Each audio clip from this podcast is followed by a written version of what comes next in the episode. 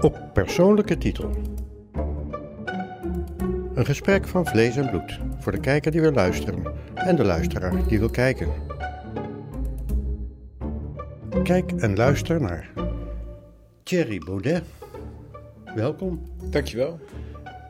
Uh, van 1982. 83. Dus jouw ouders waren eigenlijk hippies. Ja. Hoe uh, weet je dat? Wat heb je van ze gezien, meegemaakt? Nou ja, uh, lang haar, uh, broeken met wijde pijpen, een oude De Chevaux eend. ja, het levensgevoel van die jaren 60. Helemaal het type dus. Ja, ik voel me daar zeer mee verwant. Ik voel me ook, als ik een Amerikaanse president moet noemen waar ik me het meest zeg maar, politiek mee verwant voel, is het John F. Kennedy bijvoorbeeld. Ook uit die tijd. Ja, dat, dat gevoel. Ja, natuurlijk eerder tegen 63 dan, maar uh, vermoord. Maar uh, dat, dat, dat hele levensgevoel, dat, dat kan ik nog heel, kan ik heel goed navoelen, meevoelen. Nou ja, je hebt het meegemaakt van je ouders. Daar moet je iets van gemerkt hebben. Ja, dus um, een, een vrij, ja, toch idealistisch levensgevoel. Het idee dat um, make love, not war, dat dat belangrijk is. En dat um, je niet al te egoïstisch in het leven moet staan. En toen ging je daar waarschijnlijk tegen afzetten, of gaat het zover niet? Hoe, hoe was de jonge Baudet? nou ja. het zoontje van. Uh, ik, ben, ik ben niet in de eerste plaats bezig geweest met politiek zoveel. Wel, ook wel, ook wel. Mijn leven altijd wel geïnteresseerd geweest. Maar ik vond eigenlijk de mooie dingen van het leven spannender, interessanter. Dus kunst, muziek, filosofie, de liefde, reizen, literatuur, lekker eten. Ik ben ja, levensgenieter en een romanticus. over de lagere school. We hebben het over het wonen bij je ouders met een kinderkamer.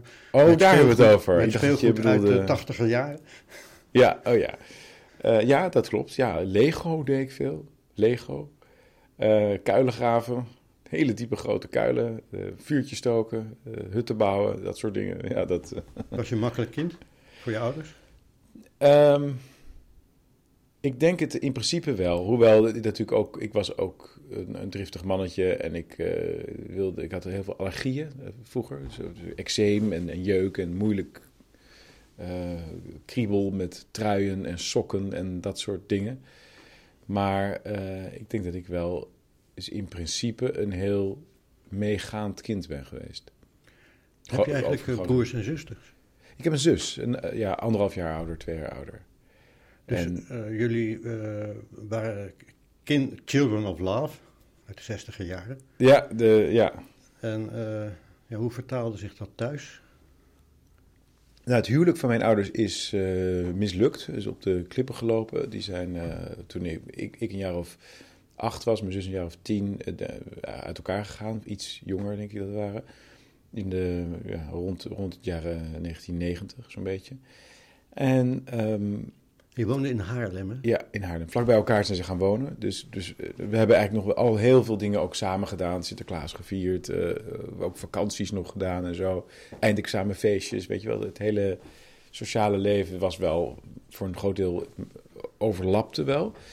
Maar um, ja, het geeft toch wel... Eh, het, het geeft toch wel heel veel complexiteit aan het leven van een kind. Als je ineens twee huizen hebt en je moet nadenken waar je naar school naartoe gaat. Uh, en, en, hoe je dat plant met waar je speelgoed ligt. En hoe je omgaat met je ouders. Dus het maakt je denk ik op een jonge leeftijd vrij bewust van allerlei processen die anders onbewust zijn. Waar ging je wonen? Ik woonde tot mijn twaalfde, echt vrij, dertiende vrijwel exclusief bij mijn moeder. Uh, en uh, geleidelijk aan ben ik steeds meer bij mijn vader gaan wonen. Totdat ik de laatste anderhalf jaar van mijn middelbare schooltijd. en het eerste jaar van mijn studententijd. Uh, eigenlijk bij mijn vader heb gewoond. Dus ik, ik heb hem ook nog echt meegemaakt als alledaagse vader. en niet alleen als weekendvader, zeg maar. Maar hoe was de verhouding dan onderling? Want ja, die was verstoord qua huwelijk. Maar sommige mensen gaan goed uit elkaar, zoals dat heet. En, ja, dat geldt ook voor mijn ouders. Ja, maar het, het, het is natuurlijk wel uh, voor hen beiden een enorm uh, verdriet, nederlaag geweest. Zoiets dat dat, dat mislukt, hè? het huwelijk mislukt. Ze vinden het denk ik nog steeds heel verdrietig dat het zo gegaan is. Ja, voor zichzelf of voor de kinderen of überhaupt? Ja, allebei. Überhaupt. Uh, ik weet niet, le leven ze nog? Ja, zeker. En ook heel gezond en uh, live en kicking. Ik ben ondertussen wat uh, vergeten, dus dat maak ik gewoon ter plaatse in orde. Ja, heel goed.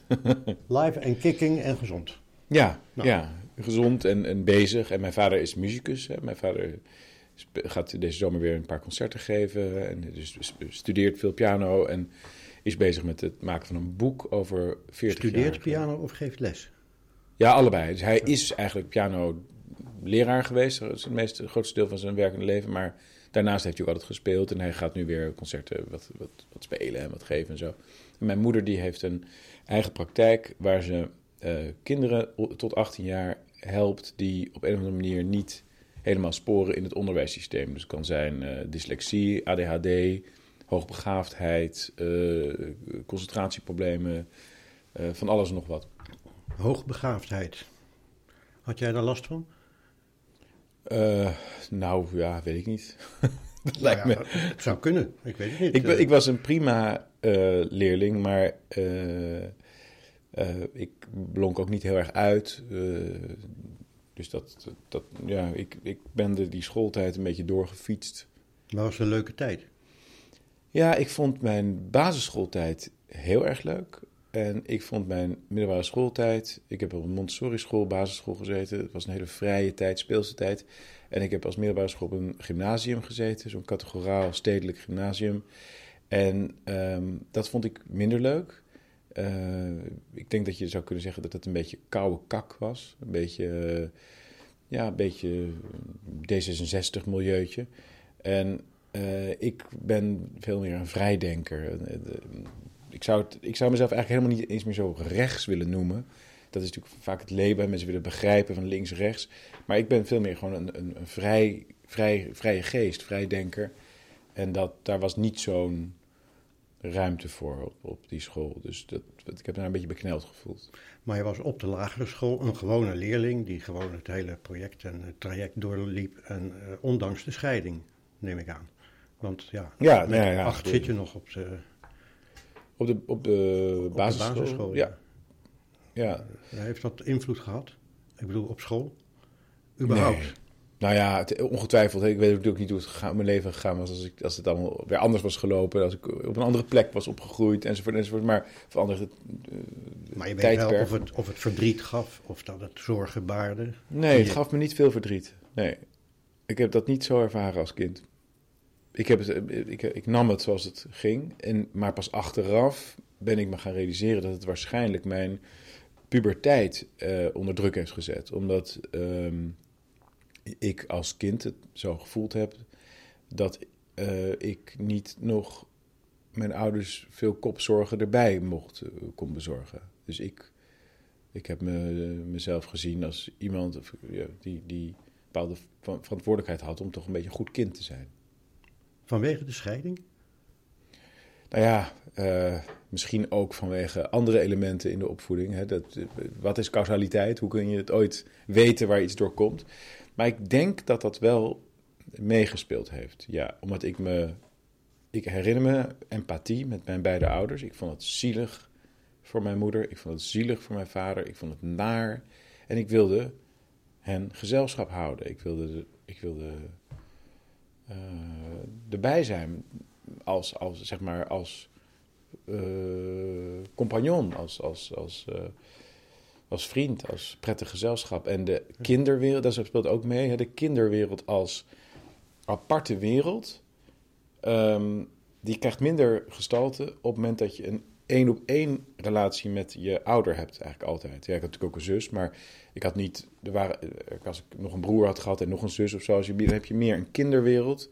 En, die, en als die ouders dan nog samen zijn, hebben die ook hun eigen wereld met hun eigen slaapkamer en hun eigen huwelijksbed. En, en, en dat, dat dingen waar je niet bij hoort als kind. En dat was niet zo bij ons. Dus je, je, je ziet je ouders eigenlijk heel gauw gewoon als individuen en niet als instituut.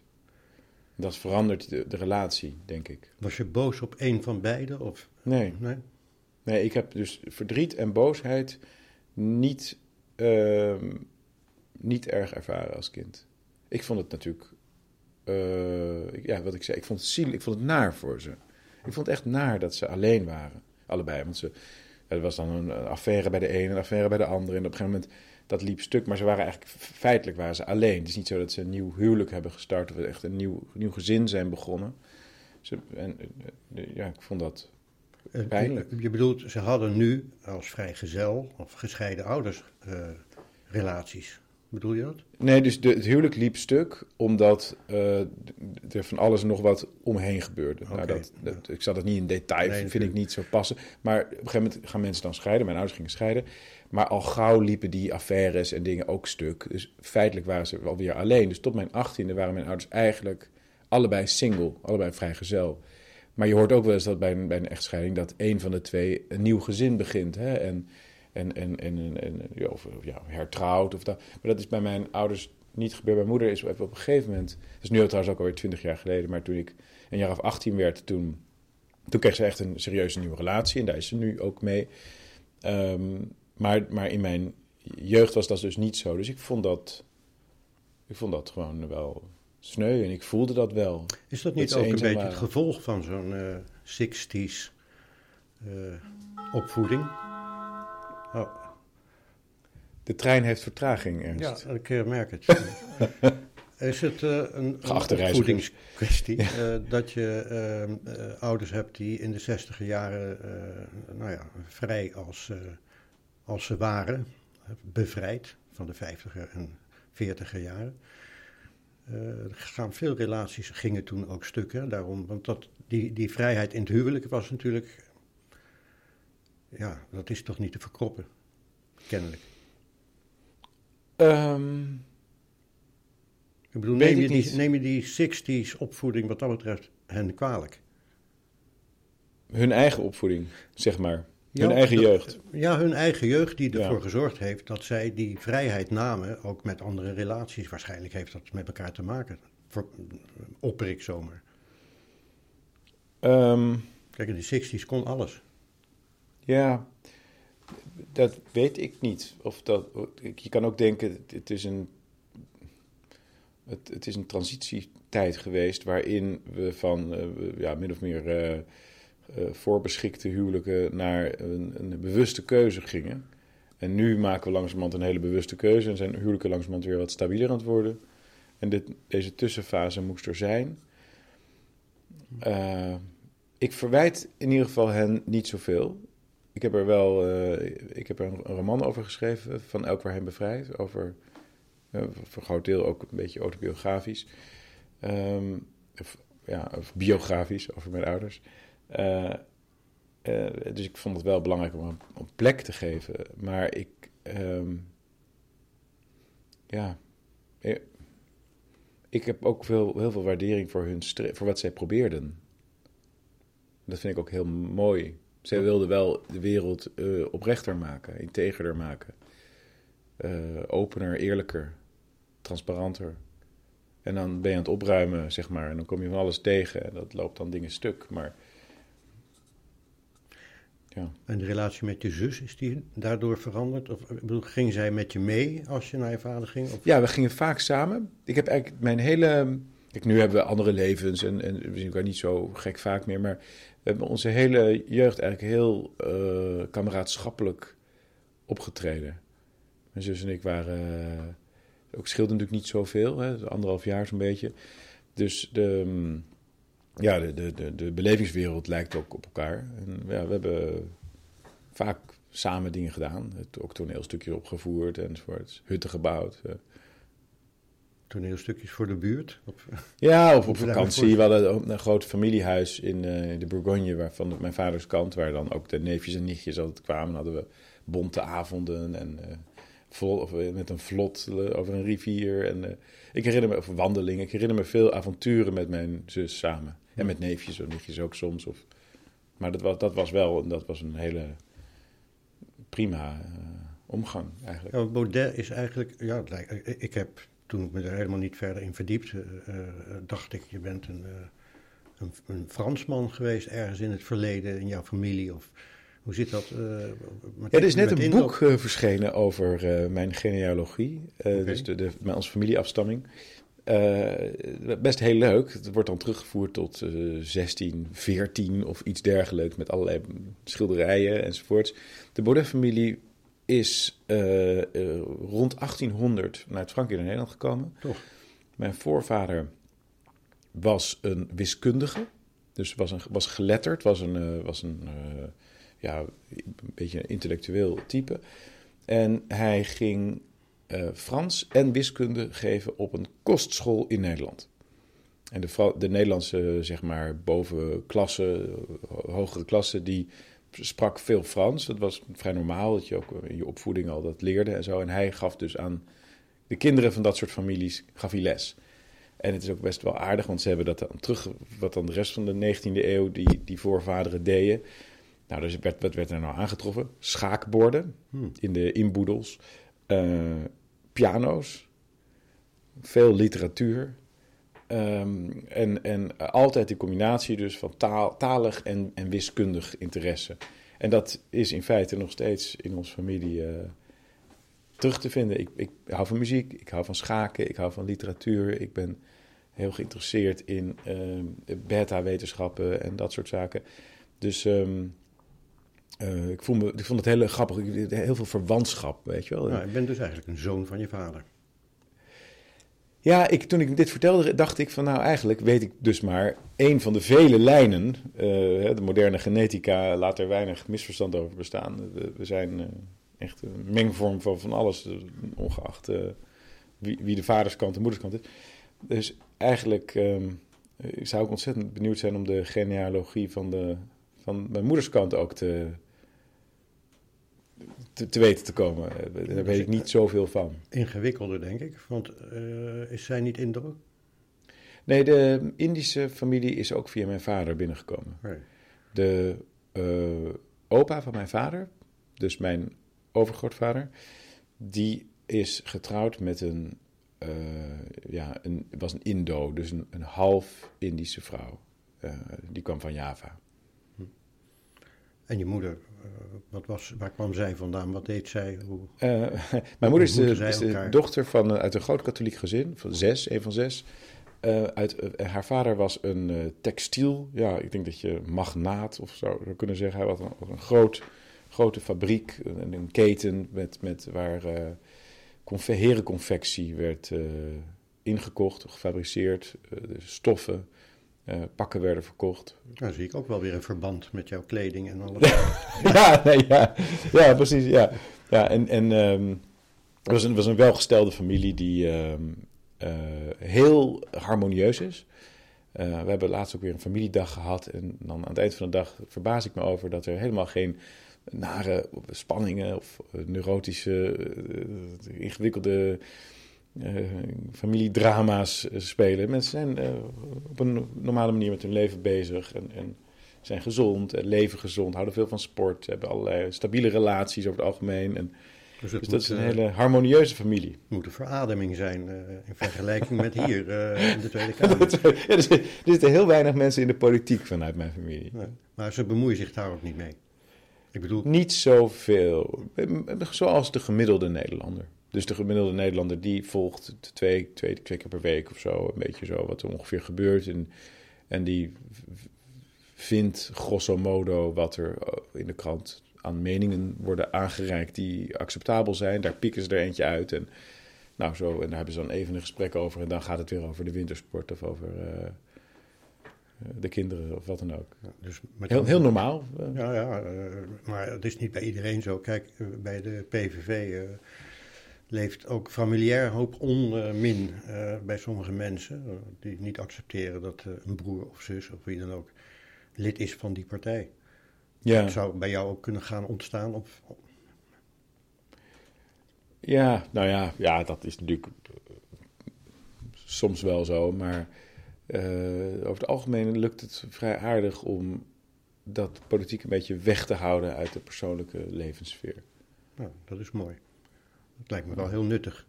En, ja, en, en gezond. Goed voor je innerlijke gemoedstoestand. Dat er niet alles politiek wordt. En tenslotte heb je dan ook uh, met je ouders nog op dit moment allerlei goed contact. Ja. Uh, waren ze bij je huwelijk? Ja, tuurlijk. Ja. En de, hoe is de schoonfamilie? Uh, die is leuk. Die is bijzonder warm richting mij, vind ik. En ja, Davide heeft...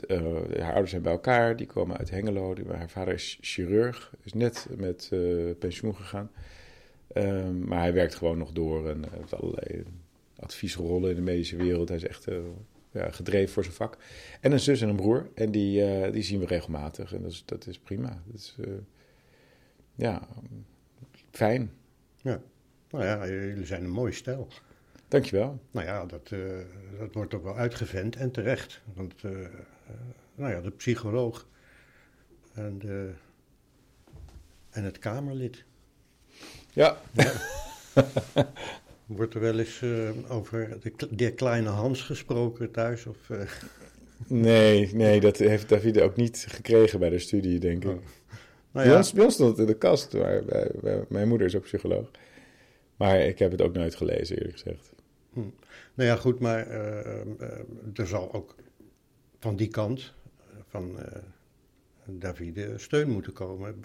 Als jij dodelijk vermoeid, wanneer je dat dan ook bent, thuiskomt. Ja, maar we hebben, dat doet ze ook wel. Maar we hebben ook een hele goede balans weten te vinden langzamerhand in uh, het werk toelaten tot mijn privéleven. Dus terwijl ik in de begintijd van het Kamerlidmaatschap misschien dat meer liet binnenkomen, is inmiddels, omdat ik ook samen ben met, met Davide en ik daarmee ook een, een huis heb. Want vroeger was ik vrijgezel, dus dan nam je werk, alles was werk, zeg maar. Eh, dat is, dat is nu meer afgebakend. Dus ja, het heeft, meer, het heeft, het heeft zijn plek.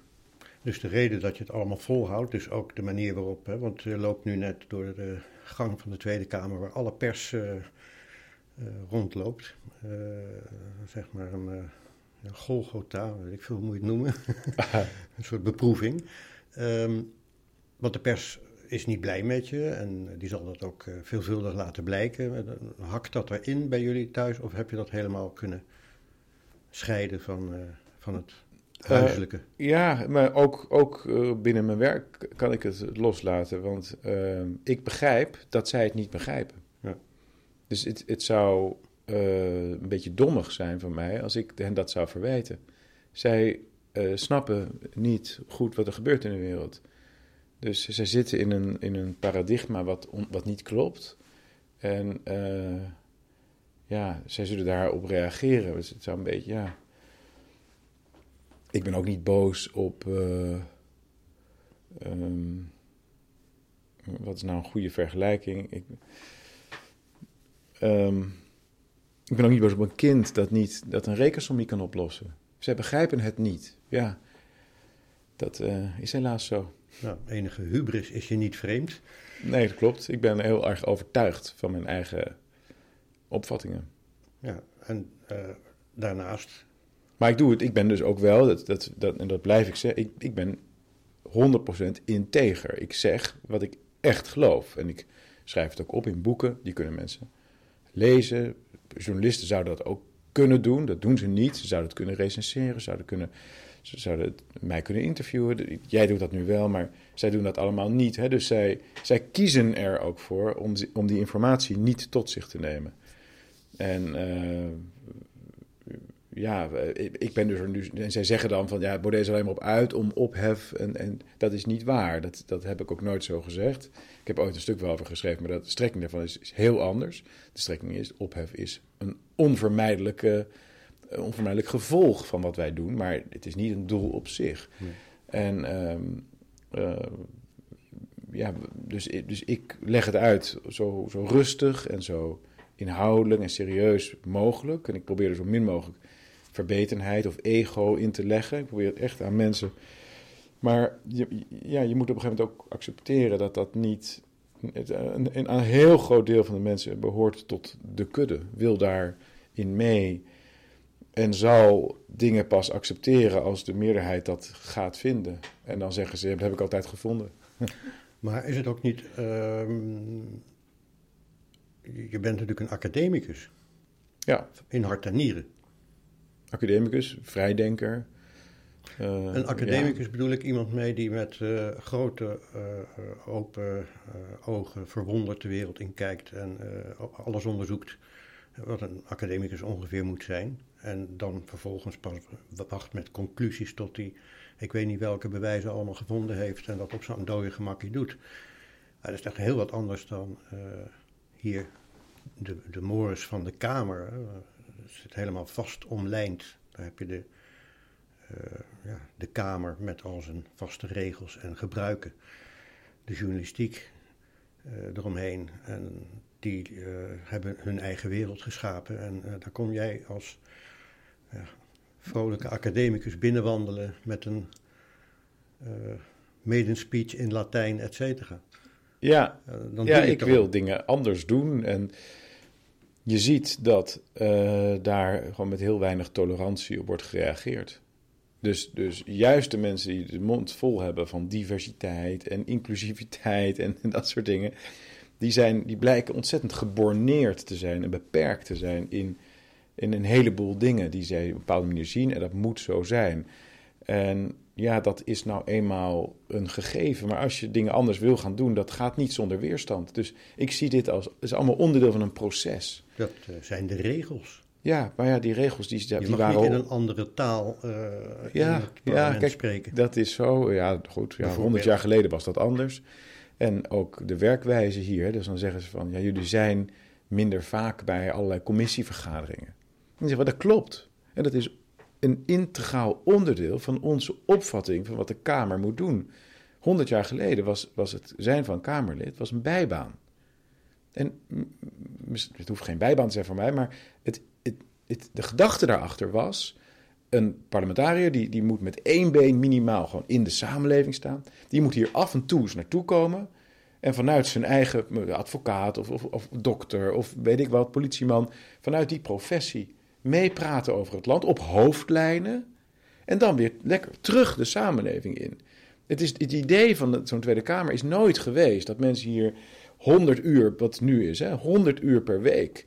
Van de ene vergadering naar de andere. En documenten en bureaucratie en details van details. En duizenden moties en eindeloze spreektijden en interrupties en dit en dat.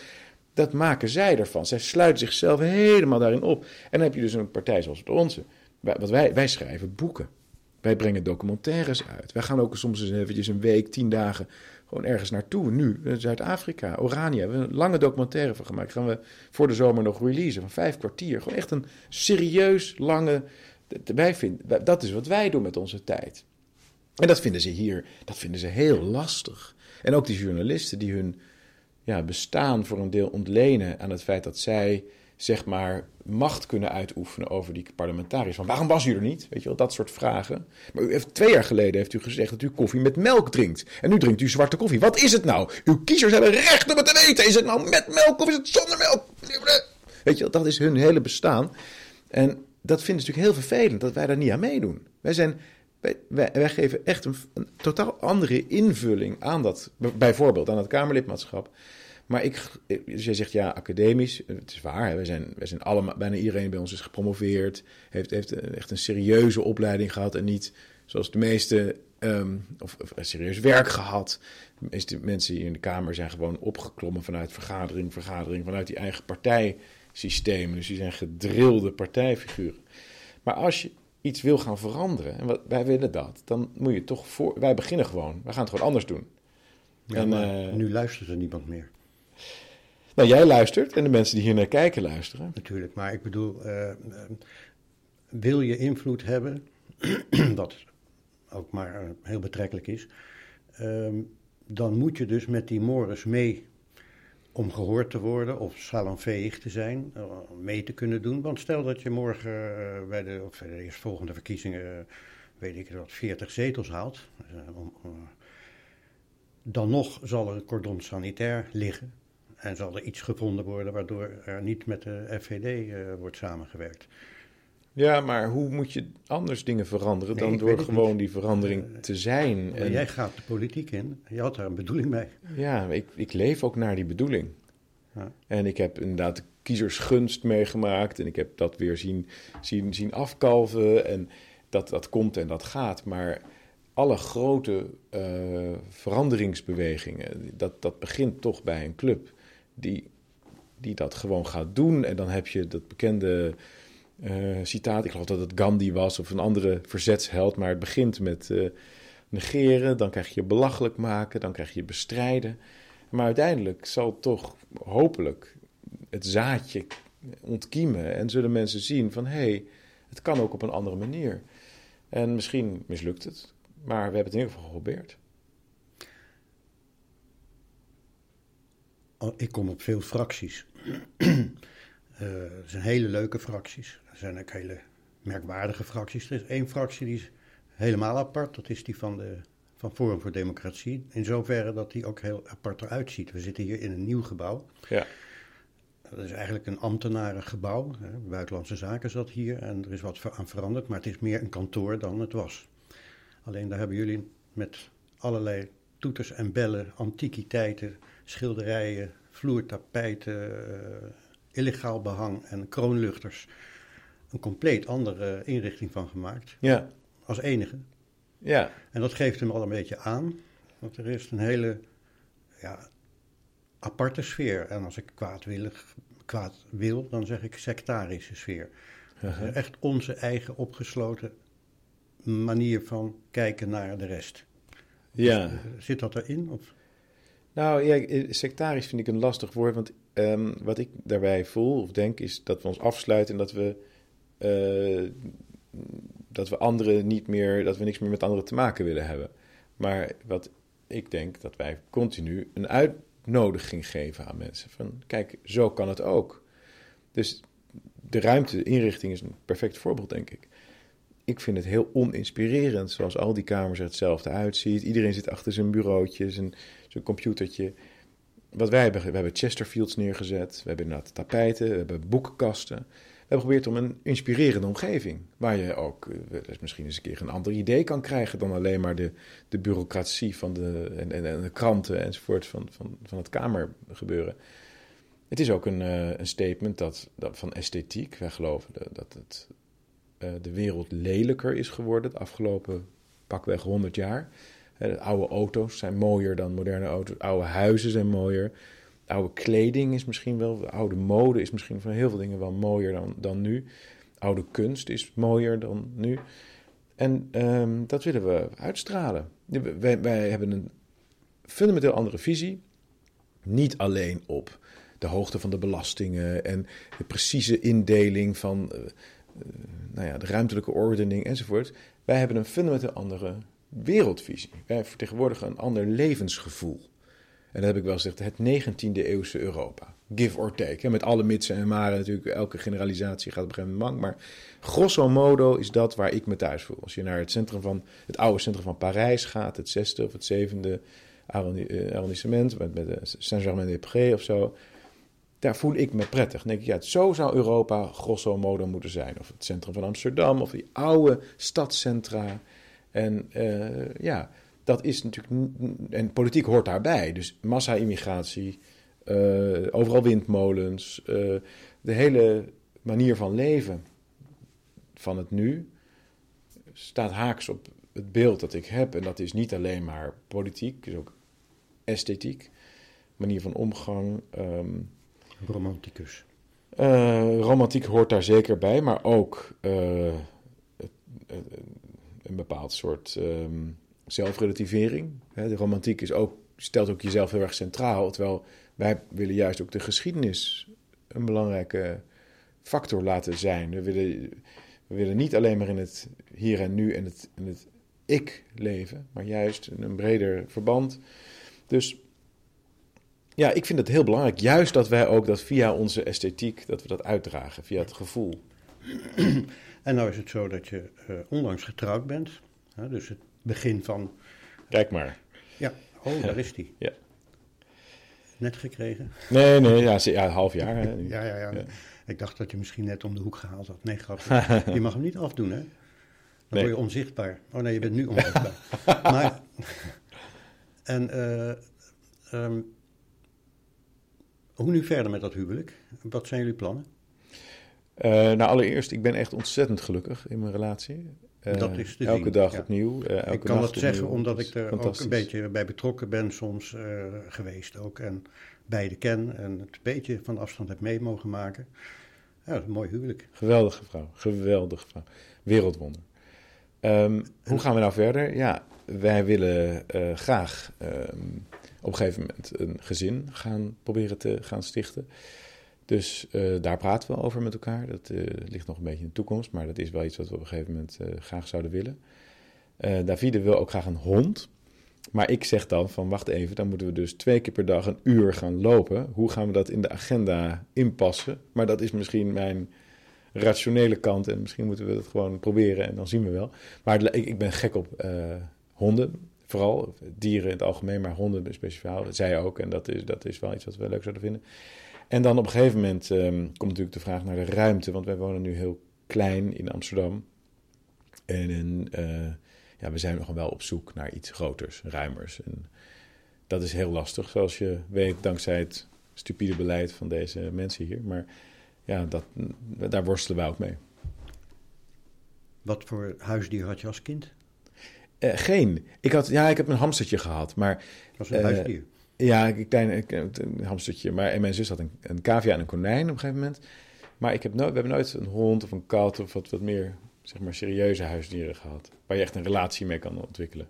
En je bent, dan, dus dat- je bent een hondenmens. Ja, ik heb niet zoveel met katten. Ik vind katten... Ik ben heel erg allergisch voor katten. Dat, daar begint het mee. En ik was vroeger als kind ook allergisch voor honden. En daar ben ik overheen gegroeid. Dus daarom hadden wij geen huisdieren vroeger. Ehm, maar ehm, katten vind ik lastig.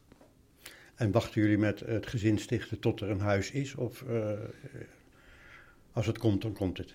Eh, daar, daar, daar, zijn we nog niet over uit, Hm. eigenlijk. Dus we, we- ja, we hebben niet eh, enorme haast daarin, maar we weten dat nog niet. Ehm, dat verwijt wat er hier en daar, of in algemene zin, ik, ik volg niet alles, maar ik heb wel het een en ander gevolgd over de verwijten van antisemitisme. Ehm, ik weet hoe dat ingezet wordt, uiteraard. Eh, dat is ook tegen jou ingezet. Ehm, wat wil je daarover kwijt?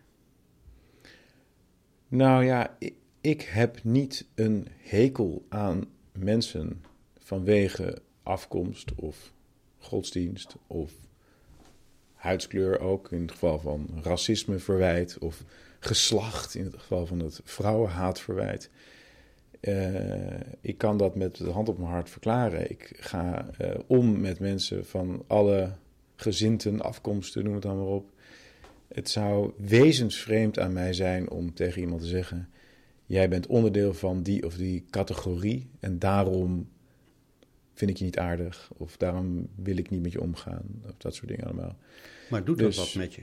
Het is, Die, eh, die verwijten, die, die, die beschuldigingen. nou, met mij persoonlijk eigenlijk niet, omdat ik eh, weet dat dat, eh, dat, dat dat ben ik niet. Dat is zoiets absurds eigenlijk.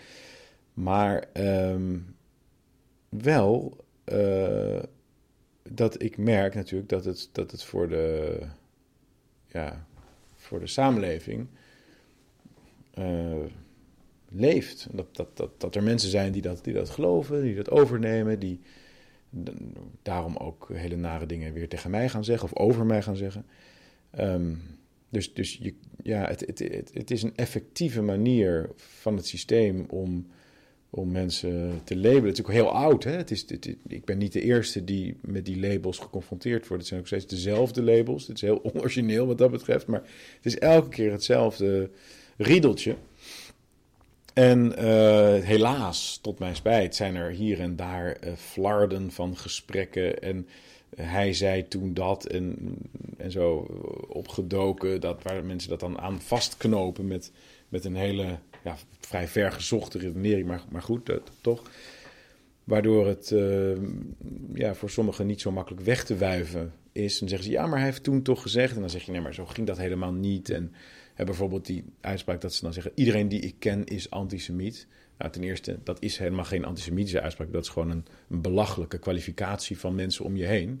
Ten tweede, degene over wie ik dat dan, of tegen wie ik dat nou zou zeggen, die ik immers ook kende, die zouden dan blijkbaar allemaal antisemiet zijn. Dus het is eerder een beschuldiging van anderen dan, een, dan zelf een antisemitische opmerking. liegen. Maar, maar, maar, maar, ik zei het helemaal niet. Ik zei, als kritiek op Soros antisemitisme is, dan is iedereen die ik ken een antisemiet. Dus de uitspraak was anders. Was, dus, dus, maar goed, dat, dat blijft dan vaak toch niet helemaal hangen zo op die manier bij mensen. En uh, ja, dat is dan uh, dat is iets waar je mee moet dealen. Dat is, is dat bij je uh, schoonfamilie een issue geweest? Nee, niet echt. Nee. Maar wel een beetje. Nou, ik geloof dat ze er één keer naar gevraagd hebben van wat was dat nou allemaal? Nou, ze zijn niet uh, religieus, geloof ik. Nee, nee. nee. Dus, de, de, dus de vader van Davide uh, is van Joodse komaf. Uh, maar haar moeder uh, niet. En zij is zelf ook niet verder. Ja, ze heeft een Joodse naam, of een beetje een, zeg maar een Hebreeuwse naam, maar uh, is verder niet. heeft geen bar mitzwa gedaan, of bar, bad mitzwa gedaan en dat soort dingen. Hm. Haar familie, haar nichtje wel en dat soort dingen, maar zij zelf niet. Geen issue dus? Nou, ja, niet echt. Kijk, het is een issue voor zover mensen het vervelend vinden. En mensen daarin geloven, in die, in die, die spin en die, ja, toch een beetje die, die gefabriceerde boosheid uh, of, of, of verontwaardiging. Maar mensen die mij een beetje kennen. Uh, ik denk ook dat dit gesprek, dat, ik weet niet hoe mensen dit zien natuurlijk, maar ik, ik kan me haast niet voorstellen dat mensen vinden dat hier een gefrustreerde, boze man zit die bevolkingsgroepen haat. Zo, dit, dit, dit is zo nou, überhaupt, wezensvreemd aan wie ik ben en wat, wat wij willen doen met Forum. Ja, maar los even daarvan. Ja. Ik heb het niet over de persoon. Nee, oké, okay, maar wie ik ben, maar ook wat wij als partij willen doen. Maar goed. Ja. Nou ja, uh, uh, als het gaat om haat. Staat jouw microfoon trouwens wel aan? Ja, ik dacht het wel, want ik hoor hem. Oké. Okay. Maar uh, als, daarom hebben we ook een koptelefoon. Ja, nee, heel goed. Heel storend voor de kijker. Maar um, het hele concept haat heb ik niet in jou kunnen ontdekken, kan ik vertellen. Maar wat niet is, ja, is niet. Kijk, niet iedereen uh, kan je beoordelen door tegenover je te gaan zitten of naast je te lopen of hier in de kamer te zijn. Dus de mensen moeten het doen met wat ze ja, over je horen en dat lezen. Ja. En een boek lezen, dat duurt heel lang, dat is heel ja. moeilijk uh, enzovoort. Dus ben je van plan daar nog iets aan te doen? Ik zou niet weten wat.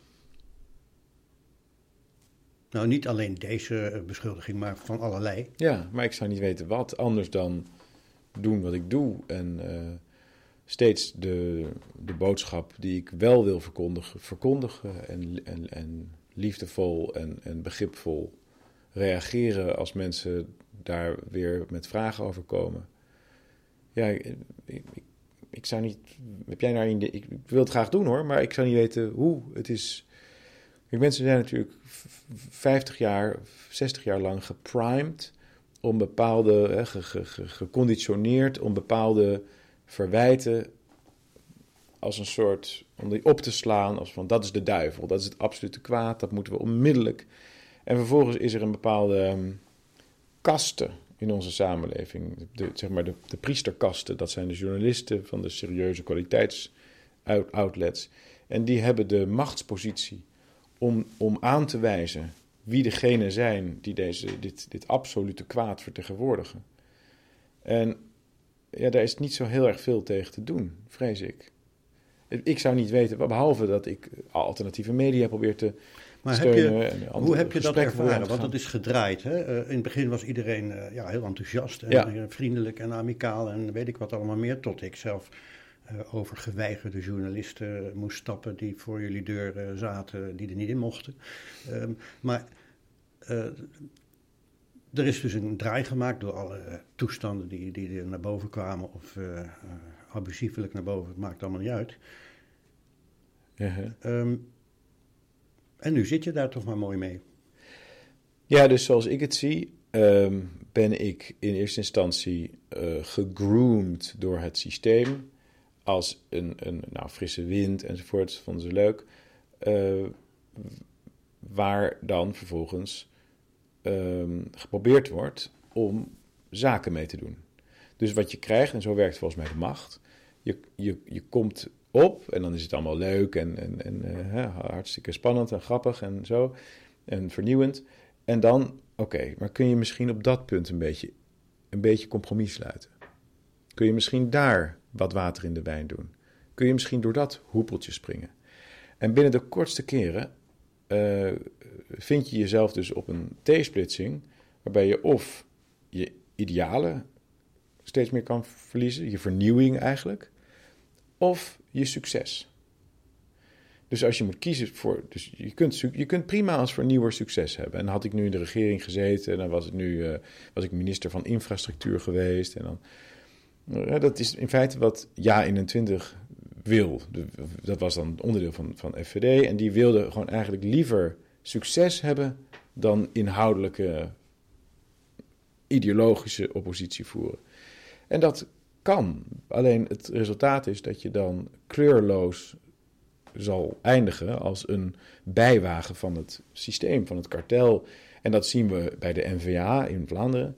Dat zien we bij Boris Johnson in het Verenigd Koninkrijk. Dat zien we bij al die clubs die uiteindelijk kiezen voor de, voor, voor, voor de macht zelf, voor de, voor de bijhoren.